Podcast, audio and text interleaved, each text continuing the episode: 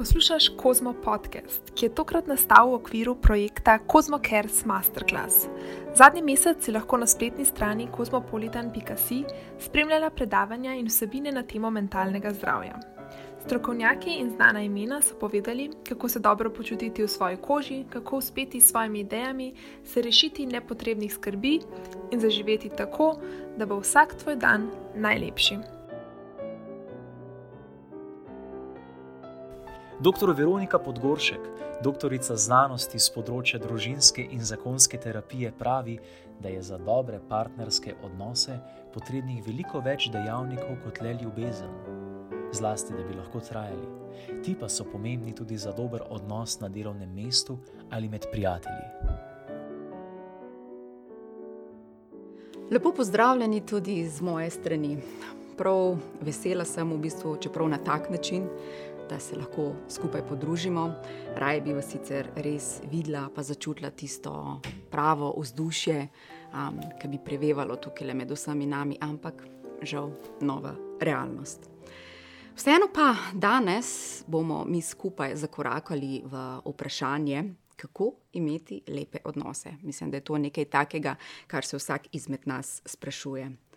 In ko pomislimo na to, ponavadi vedno rečemo najprej, seveda, partnerski odnosi, ampak seveda niso odnosi samo partnerski, tisti, kateri snujemo, se vemo, služba, prijateljstvo, potem tudi znotraj družine, ki je lahko um, mati, otrok, starševski um, in tako naprej. Ampak, če se najprej res pa poglobimo v tisto naše temeljno in na nek način najbolj pomembno, so partnerski.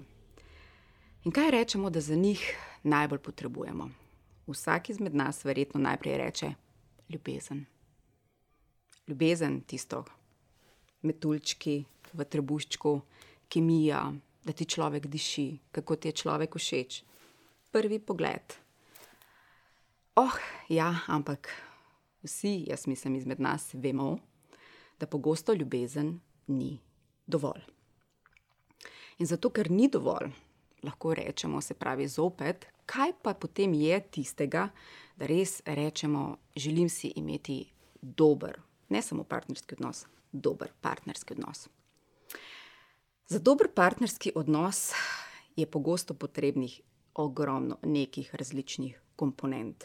Se pravi, rečemo, mnogo komponent, ki se nekako zlijejo potem v celoto, ko se med seboj združijo.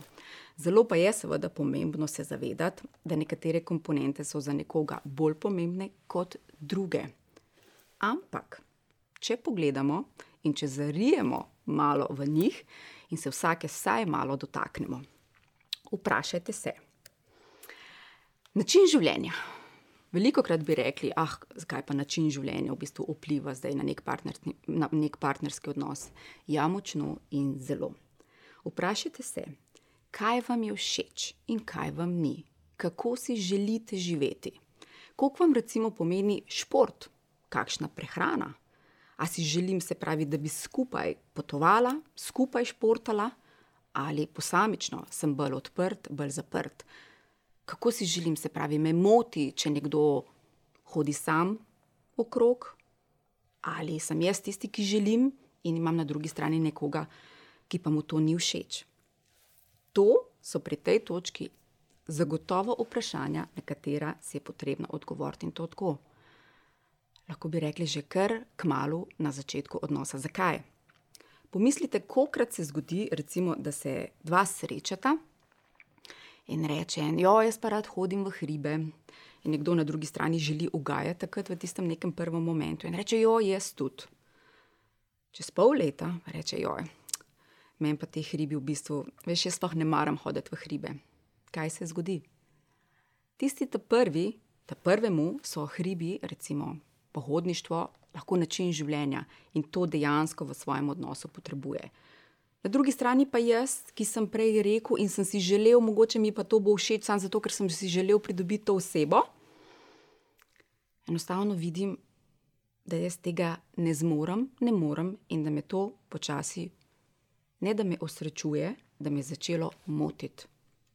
Ravno obratno se pravi. Torej, način življenja je še kako pomemben. Druga komponenta, spolnost. Zagotovo tudi ena, ko rečemo, včasih, včasih veste, ko rečemo, spolnost je najbolj pomembna. Hm. Je lahko krona nekega odnosa, nekega predanega partnerskega odnosa, je pomembna, ni pa najbolj pomembna. Vsaka komponenta, kot smo prej rekli, v bistvu je pomembna. Ampak spolnost, seveda, je zdaj en način komunikacije, je v bistvu tisto, kako izraz nekega, nekih občutkov med nami. Ampak zopet, kaj spolnost pomeni tebi, kaj spolnost pomeni njemu ali njej. Vprašajte se, kako jaz dojemam spolnost, kaj mi pomeni, kako jo čutim, koliko poznam svoje telo, koliko poznam svoje občutke? Česa si želim in česa ne, kaj so moje fantazije. A sem jih povedala, povedal, jih poznam od nje oziroma od njega, kako tudi tukaj na nek način komunicirava. Kako samo sebe dojemam kot žensko, kot spolno bitje. Kako, če sem moški, sebe kot moškega, kot spolno bitje. Pa še vedno je nekaj, je. komunikacijo veliko krat lahko spolno komunikacijo veliko krat lahko razumemo, spet moške, ženske, malo drugače. Ženske, pogosto, recimo, res, da se predamo v partnerskem odnosu, potrebujemo že prej vse komponente, v bistvu, da so zadovoljene, da smo slišane, razumljene, da je partnerski odnos dober in potem se v bistvu predamo. Moški veliko krat tisto občutek ljubljenosti v bistvu išče ravno v prvi vrsti v spolnosti, pol se bo pa pogovarjala.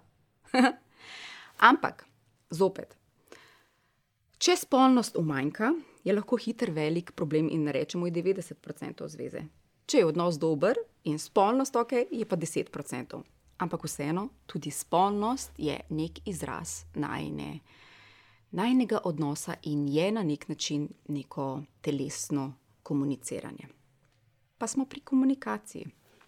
Ha, tista komunikacija, ko rečemo, kaj je to dobra komunikacija. povedati, govoriti se pravi, slišati, poslušati, iskati neke skupne točke in to tudi početi.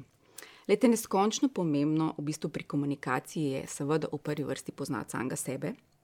Ko poznam samega sebe, pa v bistvu moram, nujno je komunicirati to tudi z drugim. Moram se dati, rečemo temu, drug drugemu spoznati. Drug nima čarobne kugle, kot jo tudi jaz nimam. In ne morem vedeti, v bistvu, da nekaj meni, um, ali pa drug ne more vedeti, da meni nekaj v nekem momentu paše, kot tudi obratno ne. Ste hitro potem pride do tistega, ko reče: Ti pa mene res ne ljubiš. In te gleda in reče: Kako, čakaj, zakaj te pa jaz ne bi ljubil? Ja, zaradi tega, ker me ne čutiš. Ja, kako te ne čutim?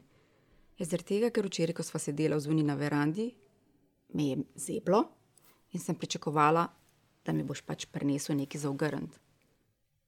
In on lahko reče: Srce, meni je bilo vroče. A razumete? Se pravi, komunikacija je neskončnega pomena. Vedno moramo v bistvu govoriti o tem, kaj se nam dogaja. Kaj pričakujemo, česa ne pričakujemo, kaj nam je všeč, kaj nas moti, čes, kaj si želimo in česa si ne želimo. In prvenstveno najprej razumeti tudi, zakaj. Zakaj pri sebi. Potem je pa še ena pomembna stvar v komunikaciji. In to je, da mora vedno bazirati na jaz, ne na ti. Če govorim, ti to ne, ti to ja, ti bi mogel to, ti ne bi smel tega, ti si tak, ti nisi tak ali taka, v bistvu se na drugi strani človek vedno počuti v bistvu napadenega in hitro lahko kaj, samo napade nazaj. Ključna dobra komunikacija je, da govorim jaz na nekaj, kar mi nekdo stori na drugi strani, bom rekla, jaz ob tem, jaz čutim, jaz vidim, jaz slišim, jaz razumem, da si mi ti, ne vem, povedal, povedala to.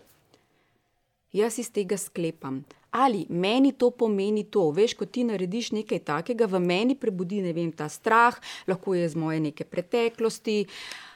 Se pravi, da govorim o sebi takrat ima drugi možnost v bistvu slišati in razumeti mene, in ne da se na drugi strani mora samo braniti. Ali jaz, seveda, če bo nekdo rekel, ti si taka, ti nisi taka, pa bi mogla biti taka, pa zakaj ti tako, pa zakaj ti tega ne. Pri komunikaciji se pravi, je pomembno to. Pa še ena stvar. Ne umikajmo se. Nekaj je, se pravi, konfliktom izogibajoči se odnosi, tisti, ki se ki tako se boli, bojijo konfliktom, konfliktov, da potem sploh več ne govorijo o nekih težkih stvareh, jih dajemo pod preprogo, ampak težava je tista, da enostavno to obstane. Zaradi tega je potrebno govoriti, komunicirati.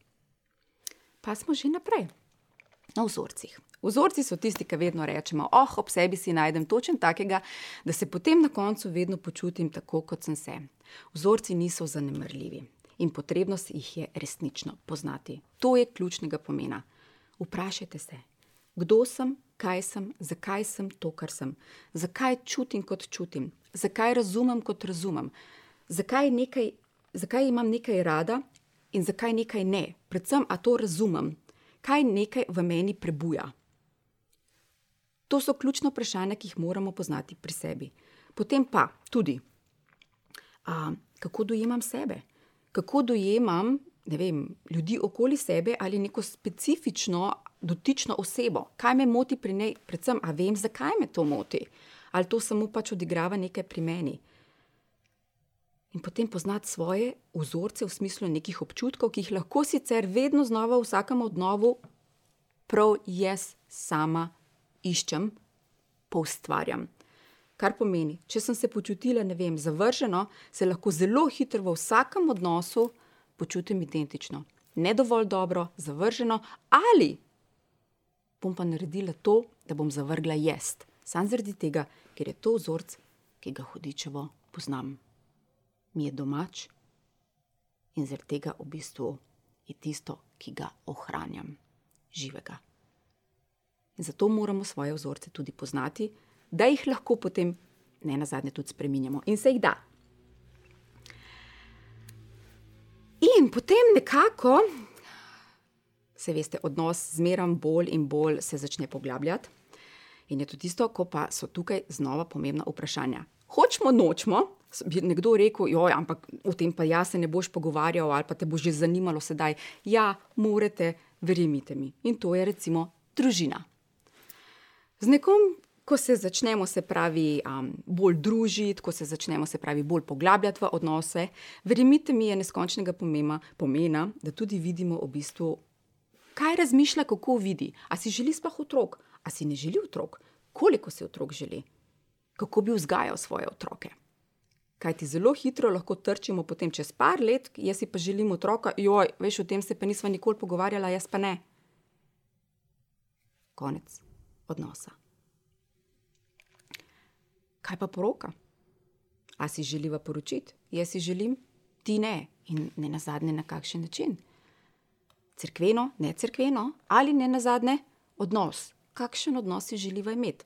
Predan, odprt, friends with benefits, vse vemo, vse to je danes možno. In prav zaradi tega še toliko bolj je potrebno to skomunicirati. Tudi delitev dela. Ja, da ne, da ne pride do tistega, ne, a mi pomagaš, če smo ne na zadnje v tem odnosu skupaj. Veliko krat tudi, ja, veste, ko, ko ženska rodi, pridemo do tega, da reče pri otroku, a mi pomagaš. A ni to nekaj najnega, a se nisva midva za to odločila. Se pravi, tudi tukaj moramo skomunicirati, kaj so moje želje, kaj so tvoje želje, kako jaz vidim situacijo, kako ti vidiš situacijo in kje bova našla tisti skupni, skupno dobro, da bova delovala v dobro drug drugega in bova to tudi delala. Oba dva bova o tem slišana in imela občutek zadovoljenosti in ljubljenosti. Finance, tudi finance so ena, tista, ena tistih stvari, o katerih res moramo spregovoriti. Veliko krat bi nekdo rekel, ah, ne, ali pa to je res neki taka peroča tema, ampak ravno zaradi tega kako vidiva stvari, potem, kaj si v prihodnosti želiva, kje želiva živeti. Ne? Kaj nekdo vidi, kaj si želi delati, ne vem, služba, delo, um, otroci. Tudi tam je potreben v bistvu v osnovi en sistem. Sistem, ki naj bo oba dva zadovoljil. V, so, v odnosi poznamo tudi, recimo, da so taki, da nekje um, eni, recimo, se odločijo skupno, ne, da nekdo ne bo delal, nekdo pa bo preživljal, recimo, potem tudi finančno družino, medtem ko bo vem, ženska ali moški pač skrbel za bolj za družino doma, otroke, gospodinstvo in tako naprej. Kakorkoli je to pač vajen dogovor. Ampak v osnovi, zopet, v nekaterih odnosih, recimo, nekdo razmišlja o tem, da bi bile finance ločene, se pravi, zelo individualne, nekje pa se pravi, ne, tudi to je najno, je skupno, ampak pomembno se o tem pogovoriti. Potem pa prvenstveno, kako bova zdaj s tem počela. Zakaj? Ker verjemite mi, v vseh teh letih moje terapevtske prakse, se pravi, več kot 17 let, se ne vem, koliko krat zgodi, da, začne, da se začnejo očitki. Eh?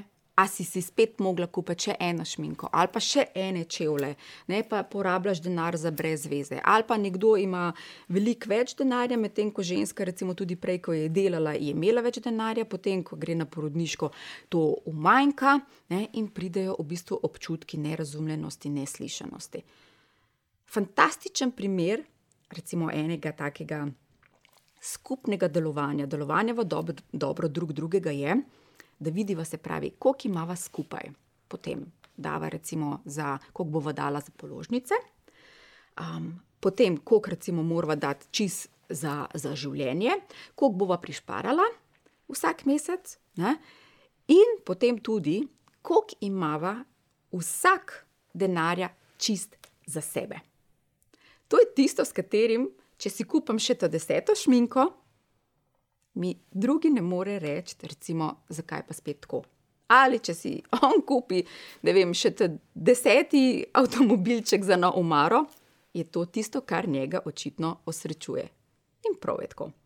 Ampak, ko imamo stvari dogovorjene, takrat je vse tok, tok laže in občutki so pomirjenosti. Sicer tudi tista druga skrajnost je, da začnemo skrivati. Ali pa rečemo, oh, ne, se to pa imamo v Mari že pet let. ja. In pridemo nekako do skupnih vrednot. Moralne vrednote, imamo različne vrednote, ali duhovne, se pravi, kje smo tudi tukaj.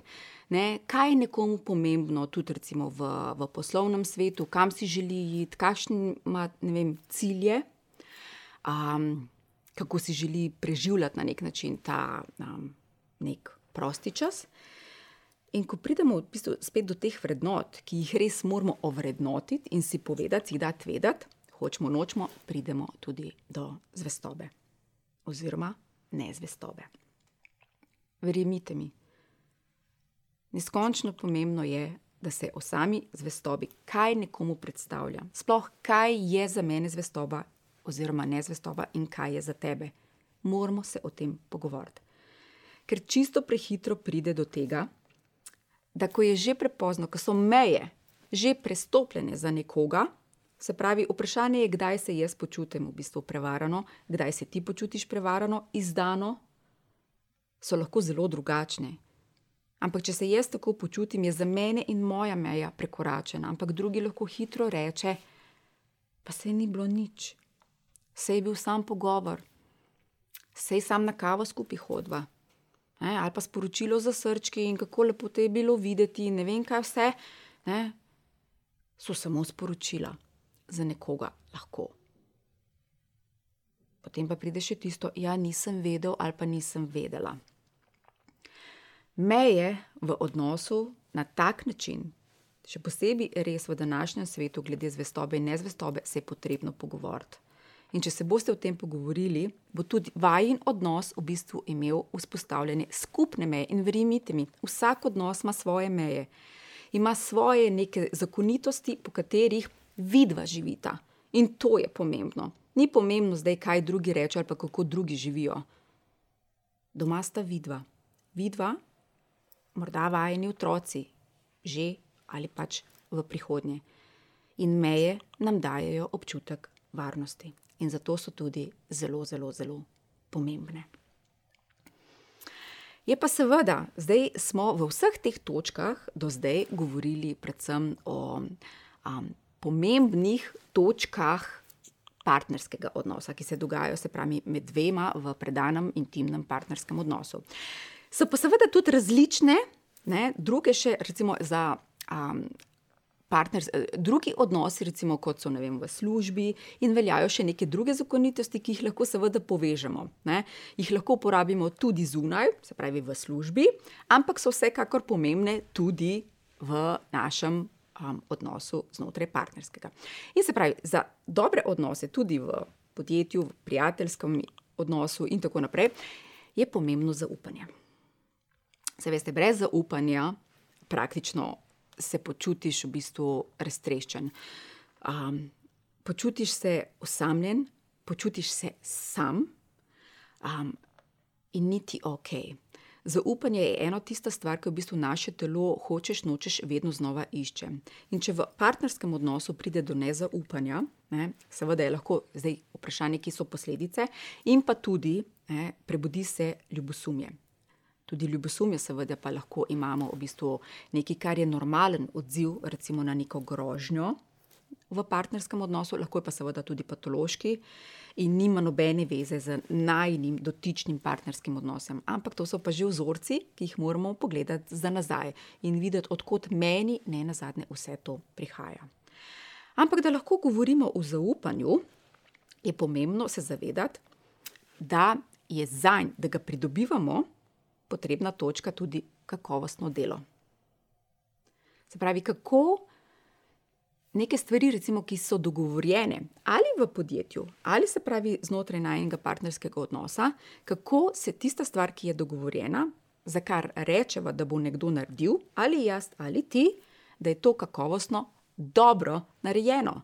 Ne da potem pride, recimo, že doma, ne, um, da ni dobro narejeno in potem si ti tista, ta sitna. Ampak iz tega pride že nezaupanje. Naslednjič, ko se mi dva nekaj dogovoriva, a se jaz lahko še v bistvu, a ti lahko zaupam, da bo dejansko to narejeno. Kot seveda tudi, v, da smo dobri na delovnem mestu, je kakovostno delo neskončnega pomena. Kot druga komponenta pa je seveda ta zanesljivost. Zanesljivost, če jaz vem, se pravi, da se mi dva nekaj dogovoriva, bo to zagotovo narejeno. In ne, da se stalno sprašujem, a bo ali ne bo. To že unese v najen odnos nezaupanje. V najen partnerski ali seveda v službi. In ko tega ne bo, počasi odnos začne razpadati, kateri koli. In pridemo do spoštovanja. Veliko krat rečemo, je že na terapijah, ko vprašam, recimo, kaj vam je pomembno za dober partnerski odnos. Rečejo, da me spoštuje. Ampak kaj spoštovanje sploh je? kaj mora nekdo narediti, da se vi počutite, da vas spoštuje? A to res veste? Ko boste izvedeli, ali če že veste, morate to tudi drugim povedati. Še posebej, recimo, v nekem partnerskem odnosu. Je pa nekaj, spoštovanje ni samo umevno. Spoštovanje si moramo zgraditi in pridobiti. To pa pomeni, da moramo biti spoštovanja vredni, in moramo za to tudi kaj narediti. Veste, veliko krat rečejo, ne vem, spoštuj ne na zadnje tudi vem, svoje starše ali nekoga starejšega tam zunaj. Ampak kaj pa, če nimaš česa spoštovati? Se pravi, spoštovanje ni samo umevno. Vprašajte se, spoštujete vi sami sebe? Kaj pa spoštujete pri sebi? In kaj spoštujete pri drugem? Povejte mu to ali povejte ji to. Seveda je pa tudi tako, če ne spoštujem samo sebe, kako me bo lahko ne na zadnje nekdo drug. In pridemo do mej. Meje, ki so spet v vseh odnosih neskončno pomembne. Je pa nekaj res, ne, da so meje v partnerskem odnosu zelo drugačne od meja recimo med prijatelji ali na delovnem mestu.